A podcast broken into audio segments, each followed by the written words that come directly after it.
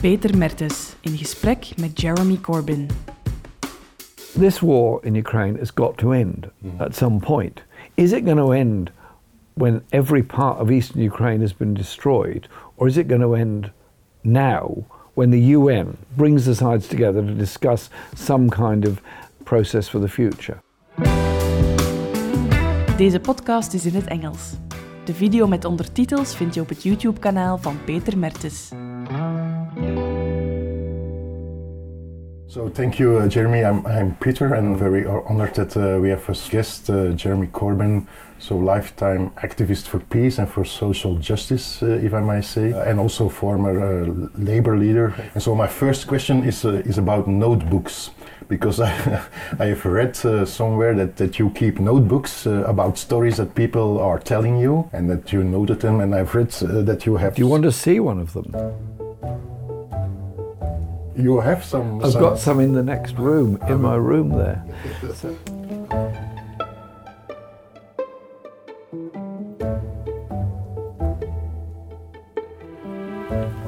Well, I've been keeping notebooks, there's two of them, for many, many years, and they're a combination of issues that people bring to my attention locally.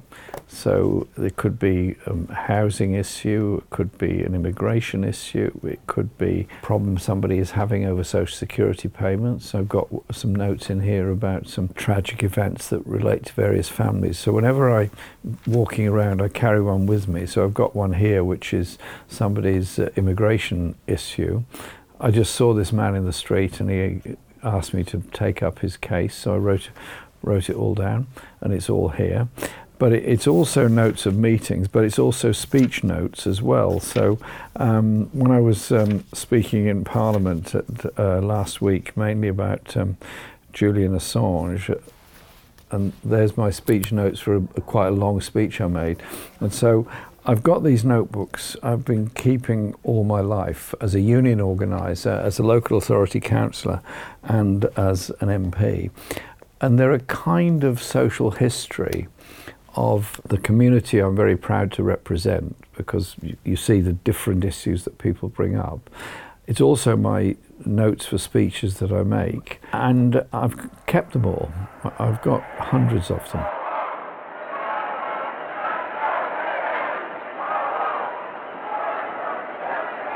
When you go back to 2003 and, and the war against uh, Iraq, you, you had here in, in London a huge manifestation. I think it was uh, one million people, they say. a million in uh, Hyde Park and many more on the streets um, outside. It was the biggest ever demonstration in the history of this country. And this is a country that does not normally have massive demonstrations. My wife comes from Mexico, who thinks that anything under a million is not worth worrying about.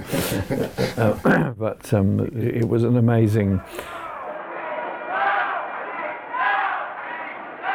And, and how do you explain the, the, the success at, at that time? Uh, it was a long time prepared. Uh, It was a growth of the Stop the War movement came from uh, 2001. Well, actually, take it back a lot further. I was involved in a group called No War in the Gulf in 1990 and 1991. And the issue was voted on in Parliament, and there was um, 17 MPs voted against the war in the Gulf in 1991. only 17. Yeah, On, on And how many MPs? Uh, 650. 650. we then went through that period of opposing that war in the Gulf. And then the sanctions against Iraq were devastating after that. A lot of children died, cancers, etc. Then, after 9 11, we formed the Stop the War coalition. It was formed about Afghanistan, not Iraq. We formed it uh, about a month later. And I was quite skeptical of the success we might or might not have because I, I felt there was such a mood of anger about the attack on the World Trade Center, and rightly so. It was an appalling, abominable thing to do. No way defend or condone it. And we decided to form a Stop the War coalition, and we got together. That is Campaign for Nuclear Disarmament, various other people, and we called a meeting at Friends Meeting House, and there was just crowds of people everywhere. We had five overflow meetings and a meeting outside. So I made six speeches in the in one evening at each of the five overflows and then one to the people who couldn't even get in the building, and then to the um, main hall itself. Fantastic attendance, and uh, that was over Afghanistan. We then organised a series of national demonstrations. We then had the Axis of Evil speech of George Bush in January 2002. And um, then the start of these stories about weapons of mass destruction in Iraq came out, and we had the whole summer 2002 build up on this. And we started mobilising in Parliament on it, a number of us did. And interestingly, the numbers of MPs that became sceptical about it was considerable, very great, you know, really large numbers. And we then did public meetings all around the country against the war in Iraq. I spoke at about 200 public meetings all over the country and indeed all over Europe as well. I went to pretty well every country and I went to the USA also twice to the USA to speak against the war. And we then decided we needed an international global demonstration.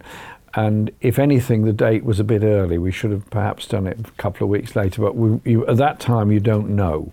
So we, we figured if we do it then, at least we can mobilize people globally. And we did. There were 600 simultaneous demonstrations around the world and the London one was massive. The Reverend Jesse Jackson was the main speaker who came from the USA for it, and um, we mobilized people like we'd never done before.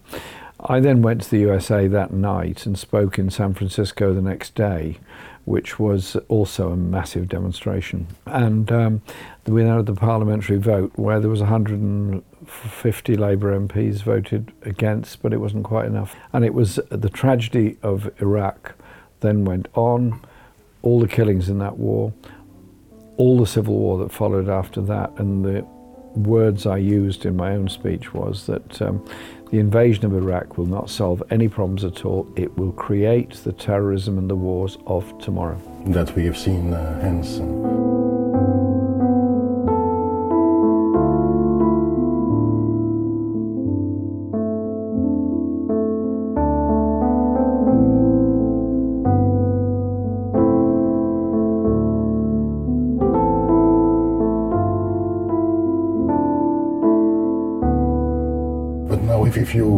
Look nowadays, like you says also, the truth is one of the first victims in every fog of war, and Absolutely. like we heard it at the same time, if you condemn, and you have to condemn, of course, the illegal act and the criminal act of Putin invading Ukraine. But we have uh, heard it ourselves. Then, when you ask questions about the role of uh, NATO, etc., you were easily put in, in a pro-Putin camp, and, yeah. and then we saw it was not only in Belgium that that happened, but you, you also were uh, at one time uh, labeled as uh, pro pro Putin. Uh. Yeah, uh, you're quite right. Truth is uh, truth and rationality are the victims of war all the time. Just for the record, when Putin became the prime minister, then president of Russia, he was holding hands with Tony Blair at the time. He was welcomed here. And during the time he was paying an official visit to Britain, there were two MPs opposing Putin for the war in Chechnya Tony Benn and myself. Nobody else, just two of us. And um, I am not a supporter of the sort of gangster capitalism that has been brought into Russia by Yeltsin and then followed up by Putin. I've always said there has to be a negotiated relationship with Russia. It's a big country. It is an important place. It's going through very interesting social changes. I do speak to people in Russia quite a lot. I've done Zoom conferences with people in various universities in Russia. I'm absolutely want us to have a good relationship with the Russian people. Putin's attack on Ukraine is completely wrong at every level. Inhuman, brutal, violent.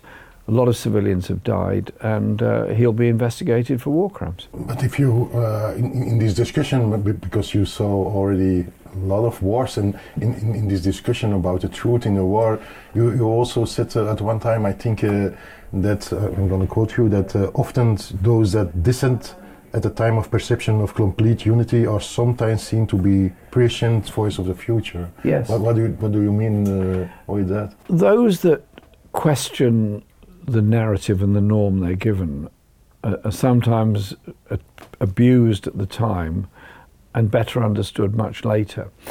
Those very brave people, you know, all over Europe in 1914, who sought a working class unity against the First World War.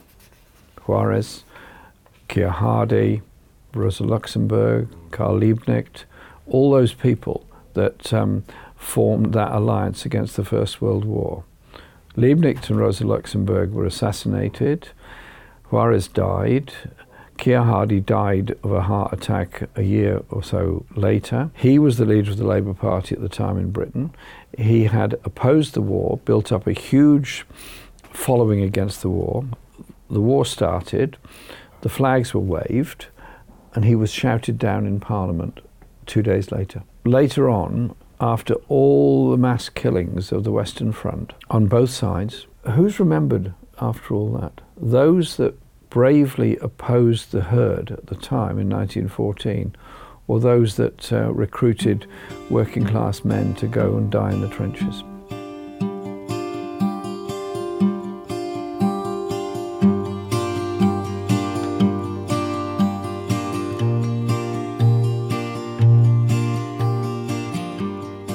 I follow the reporting of the Ukraine very carefully, and it's awful what is happening. And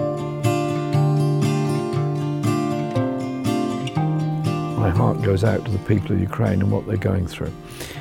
It also goes out to young soldiers conscripted by Russia who are dying there. But it's always paraphrased as being a European war. Therefore, somehow it's different.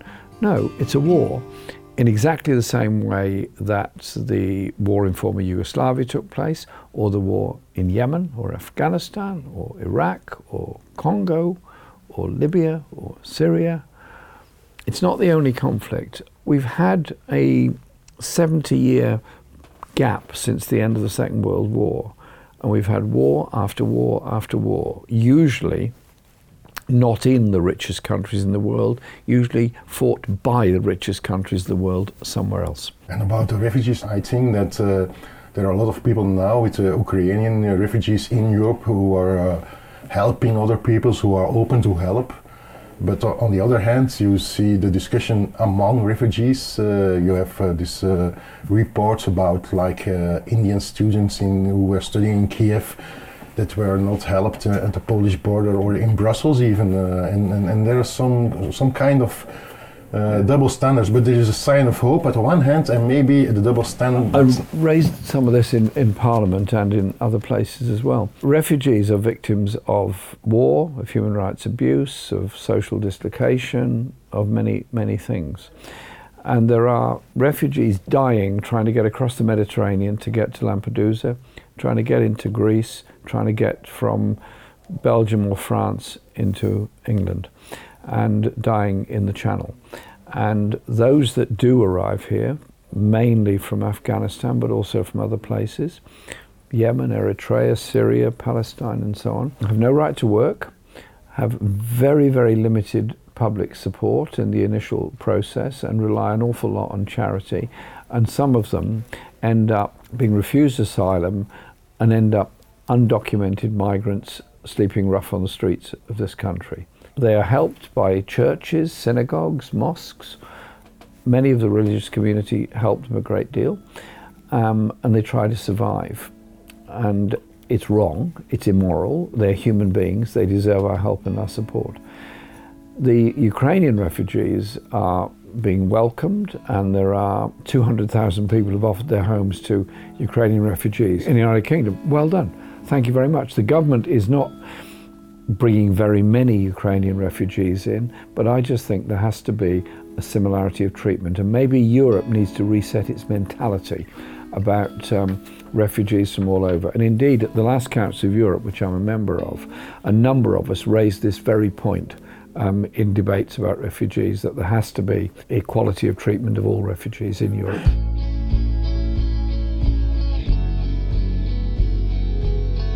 in Belgium there is a saying uh, that uh, when the rich go to war, the poor die.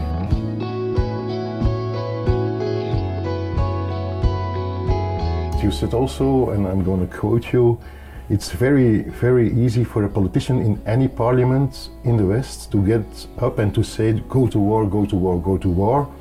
It's always easy to vote for somebody else's children to go to war. That's right.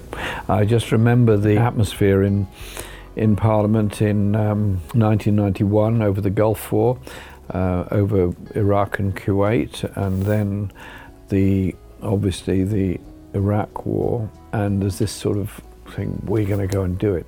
And when there was a vote taken on bombing of Syria or not, I was against our intervention. I said we should be promoting a Geneva conference to try and bring about a ceasefire. MPs cheered when it went through, and I just looked at them and thought, you are cheering, and you are actually going to be killing people by your decision this evening. You're killing people by bombing. It is very easy for politicians to get swept up in a fervour which leads them into war. The harder part is to say, hang on, there's got to be some other way of doing it. Now, I think Russia is completely wrong over Ukraine, absolutely wrong. I also think um, the UN could and should have been much more involved in trying to promote talks with Russia, trying to promote a ceasefire at the very earliest stages. Sadly, we're now um, more than a month into this war, and it's got a horrible longevity about it, which looks to me like it might get worse, not better. I hope I'm wrong. I hope there is a ceasefire urgently, and I hope there is some kind of security arrangement which um, brings about peace between Russia and Ukraine. In this going of things, uh, how do you look uh, about the issue uh, on sanctions, for example? Because nowadays, uh, the, the, appeal uh, from some forces to, to, to harden even the sanctions. Uh, how do you look? Which, which sanction can there be good sanctions and wrong sanctions? How the problem with sanctions is that they they start with the point of sanctioning the Russian oligarchs. The concern I have is that if the sanctions are applied against an entire people, then the Iraq example is surely an interesting one. We ended up impoverishing the people of Iraq half a million people died unnecessarily for lack of access to medicines and all the vi- vital things because of life. Of the sanctions. Because of the sanctions. It didn't make any difference to the to Saddam Hussein or the government of Iraq. And I've got this horrible thought that um, we might end up a ruined and impoverished Ukraine and a ruined and impoverished Russia that does not necessarily take people in the direction of a left wing socialist agenda for the future, think of the parallel of what happened to Germany in the 1920s and 1930s when there was massive sanctions put on Germany, incredible inflation and levels of poverty. The Nazi Party grew out of that. I'm worried for the future in that sense. So I think there has to be an urgent process for a ceasefire, an urgent process for reconstruction in, in the Ukraine, and yes, an investigation into war crimes, but also a reckoning with the people of Russia so you don't impoverish the people of Russia. I'm not here defending Putin, I'm here talking about ordinary people. On the consequences of, of these possible sanctions on the south of the planet, because you, you, you have also a, a, a world view, a world look, outlook from the global uh, planet, and, and if you see, for example, uh, lands like uh, uh, Egypt and, and, and, and, Sudan and, and who are importing a lot of uh, wheat and Ukraine and Russia are probably 30 to 50 percent of world grain exports have come from there, and uh, the majority of it goes to Middle East and North Africa, um, and also some to Asia as a whole. And so food supplies are already being disrupted. Grain prices are already going up very fast. Now, in that scenario, you can imagine that Western Europe will be able to, bluntly speaking, outbid the economies of North Africa and the Middle East in purchasing grain for bread supplies. And um, it's the poorest people in the poorest countries who are going to be suffering because of this. Look at the experience of the distribution of vaccinations, COVID. Mm-hmm. There's 60% of the world's population has had a vaccination. 85% or so of the people of Europe have had a vaccination. Go to a poorer country, say Burkina Faso, nobody.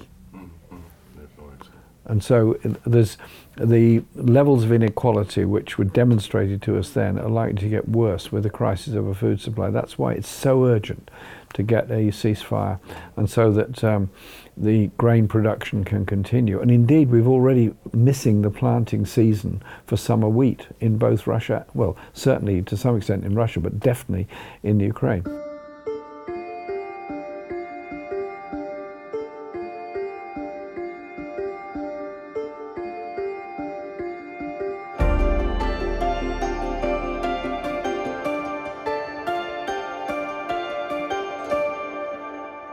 Discussion about uh, the role of uh, NATO in, in, in, the whole conflict because some forces say uh, NATO has to be part of the solution of the, uh, of the conflict. Uh, but is NATO a part of the solution? Of how, what is your uh, view on, on the role of NATO in, in, in, this conflict? Well, historically, and I said plenty of this at the time, when the Soviet Union broke up in 1990 and the Warsaw Pact broke up, that should have been the time for a reduction in military alliances. NATO, for example. And I said so at the time. There were many discussions and debates about it. NATO instead um, expanded its membership, gave itself a global role, and has continued with that global role since then.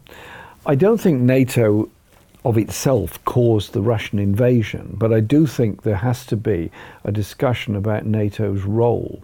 Um, and even President Zelensky clearly now accepts that um, Ukraine will not become a member uh, of NATO, and he sees the argument for um, a neutral, non aligned Ukraine, which is what the Minsk agreement was all about. And NATO has to engage with Russia in order to try and wind down the tensions. And I've said that many times in Parliament when I was both leader of the Labour Party before and since, that uh, the danger of a build-up of uh, Russian and NATO forces facing each other across a land border obviously can lead to danger. Exactly the same way that the build-up of um, American forces in, uh, with Australia um, in the South China Sea is going to build up a tension with China. Tensions lead to mistakes, mistakes lead to problems, problems lead to war. But, but you said uh, all wars end with a political solution, all wars end with a dialogue. Why don't we cut out the fighting zone and go straight into the talking zone? So, but Absolutely. then people say, what a naive position that is, Jeremy. Uh, you are uh, playing the cards of uh, Russia, if you, you say so. Well, I understand people say that. Um, listen, everybody knows the war ends ends with a conference. The Vietnam War ended with initially a conference in Paris, and then it, it grew from there. The Korean War, same. The Iraq War ended with brutality, with death, with destruction, and eventually with a ceasefire and so on. This war in Ukraine has got to end mm. at some point. Is it going to end when every part of eastern Ukraine has been destroyed, or is it going to end now when the UN, which is what it's there for, brings the sides together to discuss some kind of process for the future? And it is about talking to people. It is about those relationships. And so it does mean building up a constant dialogue between warring parties. And it might be difficult. I've often been accused of saying, well, you only talk to our, you, you talk to our enemies. Well, I, first of all, I don't see everybody as an enemy. Mm-hmm. Secondly, you've got to talk to people who you might not agree with. I'm going to Colombia in next month to observe the presidential election that's going on. I'm looking forward to it. Colombia has had a war going on, drug war going on for, drug related war going on for 20 years or more. Apparently, totally impossible position. I was in Colombia many years ago during that conflict. Cuba hosted talks between the guerrillas fighting from the mountains and the government. Hosted those talks. Very, very difficult. And who was advising them? People from Northern Ireland who'd been through the Northern Ireland conflict. Yeah. Sinn Féin MPs went over there to Cuba to help try to reconcile and bring people together. So we're now in a position where those that were fighting against the Colombian government are now candidates in the election and now a registered political party. How many lives have been lost before we got to this situation? How many thousands of people died? How many hopes of young people were destroyed by this? In a way, what, I, what you're doing and what, what you are saying in the campaign you're waging is also to, to, to let hear that voice because the main voice you hear is you cannot talk uh, with Putin, you cannot talk uh, with him, it's not possible to, to, to have an agreement.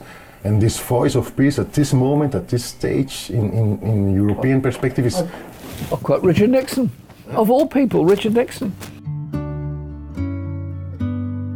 1972, went to China. Went to China. Nobody thought it would ever happen that China and the USA would settle down together. It is possible. It is possible to break log jams if you're bold enough to do it. In the United States, uh, the economy is going to profit from this whole war situation. And if you see, for example, the energy questions and the new contracts that uh, are being made uh, with the United States. How, how, do you look on this relation about Europe and, and, and, the United States? In well, the USA did very well out of World War One and World War Two, and most subsequently, it has not had its economy affected in the same way as the rest of the world does. They've not been directly involved in the sense of um, land fighting in the in the USA. We now have a situation where Europe has an energy crisis, particularly Germany, but other countries to a lesser extent because of the amount of gas and oil that's come from Russia. The only way around that is either import gas and oil from somewhere else, and so the oil prices have gone up a great deal, and so have the gas prices, or switch over to some other source of uh, production. Well, I'm in favour of sustainable production. I'm in favour of um, geothermal, sunlight, um, wind power, and all that, absolutely. But you can't do it all in one year. It takes several years to do it. And so Germany is now in a situation where it's going to be running out of gas. It'll start off by running out of gas in industry and then moving on to domestic consumers. And so it does show the need for us to accept that there's an interdependence of the world. Or we might be moving into a completely new phase where Russia, India, and China, three of the world's biggest economies, become closer together, and Europe becomes more and more excluded from them. And it, the world is going to look very, very different um, in next year and five years and ten years' time than what it does now. And so the importance of stopping this war. Because of the cascade effect on poverty, not just in Europe and uh, in Russia, but also in many other parts of the world. There is a um, interesting phenomenon that's growing, and that is the assertion of alliances of um, southern countries who are trying to assert themselves. And there's a very changed political atmosphere in both Africa and Latin America, moving away from uh, economies that depend solely on the export of raw materials to developing the internal continental market in both Africa and Latin America and the sale of finished goods rather than uh, traditionally, which they've done, is sold um, minerals or basic commodities.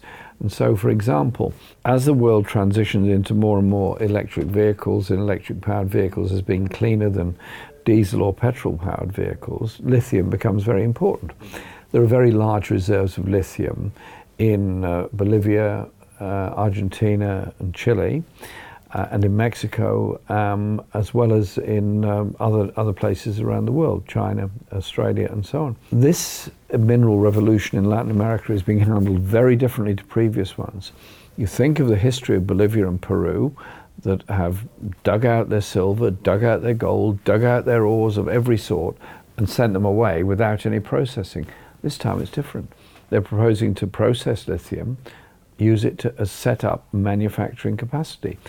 The whole trend on the economies in Africa, having gone through the colonial period, gone to um, structure adjustment programs which put them into the world uh, free market economy, which resulted in privatization and a great deal of poverty, are now looking at interdependent economies in Africa. So the world is beginning to look a very different place than it did five years and ten years ago when European and American supremacy was uh, much greater than it is now. You said you came back from uh, Chile and, and you also said uh, if you look with eyes uh, from the global south, there is also signs of hope of what is happening there uh, in, in, Latin America, for example. I think there's massive signs of hope. I was invited to Chile by um, the president-elect Boric, as he then was, and I very happily went to witness the inauguration and um, talk to people, older Chilean people that remember the days of Salvador Allende, remember the brutality of the coup in Pinochet, and uh, all the difficult years that brought in and all the deaths that brought in, and also the sense of hope that was with it.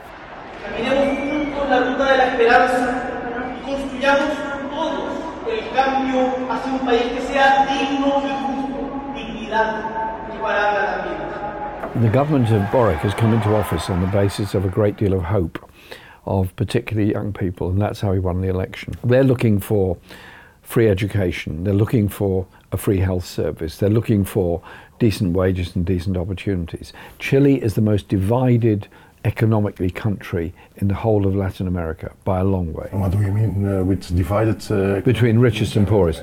The richest live very, very well in the suburbs of Santiago. Very, very well indeed. The poorest live all over them. And um, their income levels have fallen and the stress is absolutely huge on them. Boric's government has to deliver for those people. You cannot do it unless you start taxing the very richest, unless you start attacking their privileges and start moving the way in which their lifestyles have been conducted.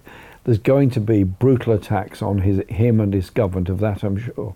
And uh, I was uh, interested to talk to people, particularly young people, who were learning the experience of what um, Salvador Allende's government went through in 1970 when they tried to bring into public ownership the key industries and the mineral resources of the country. This time, I think people well understood what's going on, and also this is a social media generation, which um, means that people do get instant information. It might be wrong, it might be right, but it, they get it very quickly. It is a very different era to those that uh, grew up with the paper leaflets, who grew up with the internet information. And so that has to be engaged with and managed very carefully. And what I was impressed with was the way in which um, the modern approach of um, Boric and his team was totally engaged in social media. It's very important. The left can't ignore social media. Okay. I have one uh, final question for you, yeah. totally uh, out of topic. Uh, it was about football. How do you know? because everyone does it. Uh, it's about Arsenal, yes. And of course. Because uh, uh, football came from, from Britain to Belgium, in Antwerp, etc., etc., and then Arsenal was originated with the workers from the Indeed. from the gun. Uh, Arsenal's origins are the munitions workers from the Royal Ordnance at uh, the Woolwich Arsenal, and they were called it the Woolwich Arsenal because they came from um, Woolwich, and then they moved to Islington in 1913 and um, bought some land from the church and set up the club. The club, when it was founded, was very poor. It was a it was working men's club, mm. football club, and they borrowed kit red and white uh, shirts mm. from Nottingham Forest, who were then a very well established and famous club. And so the f- first Arsenal kit was from Nottingham Forest, which is why Arsenal still play in red and white. And um, now there's nothing logical about football, and I hate the money involved, and I hate the sort of um, all of that, and the fact that many owners don't really give too much interest in the club. But the principle of football and bringing people together. I'm with. Um, Albert Camus and others on this, Camus, on understanding of football. I'm with Eric Cantona on this. I'm with Thierry Henry on this. The beauty of football. And seeing young people getting together, playing football, they understand teamwork, they understand each other, they understand supporting each other, and they, they understand the need to be healthy and to be fit. What's there not to like about that?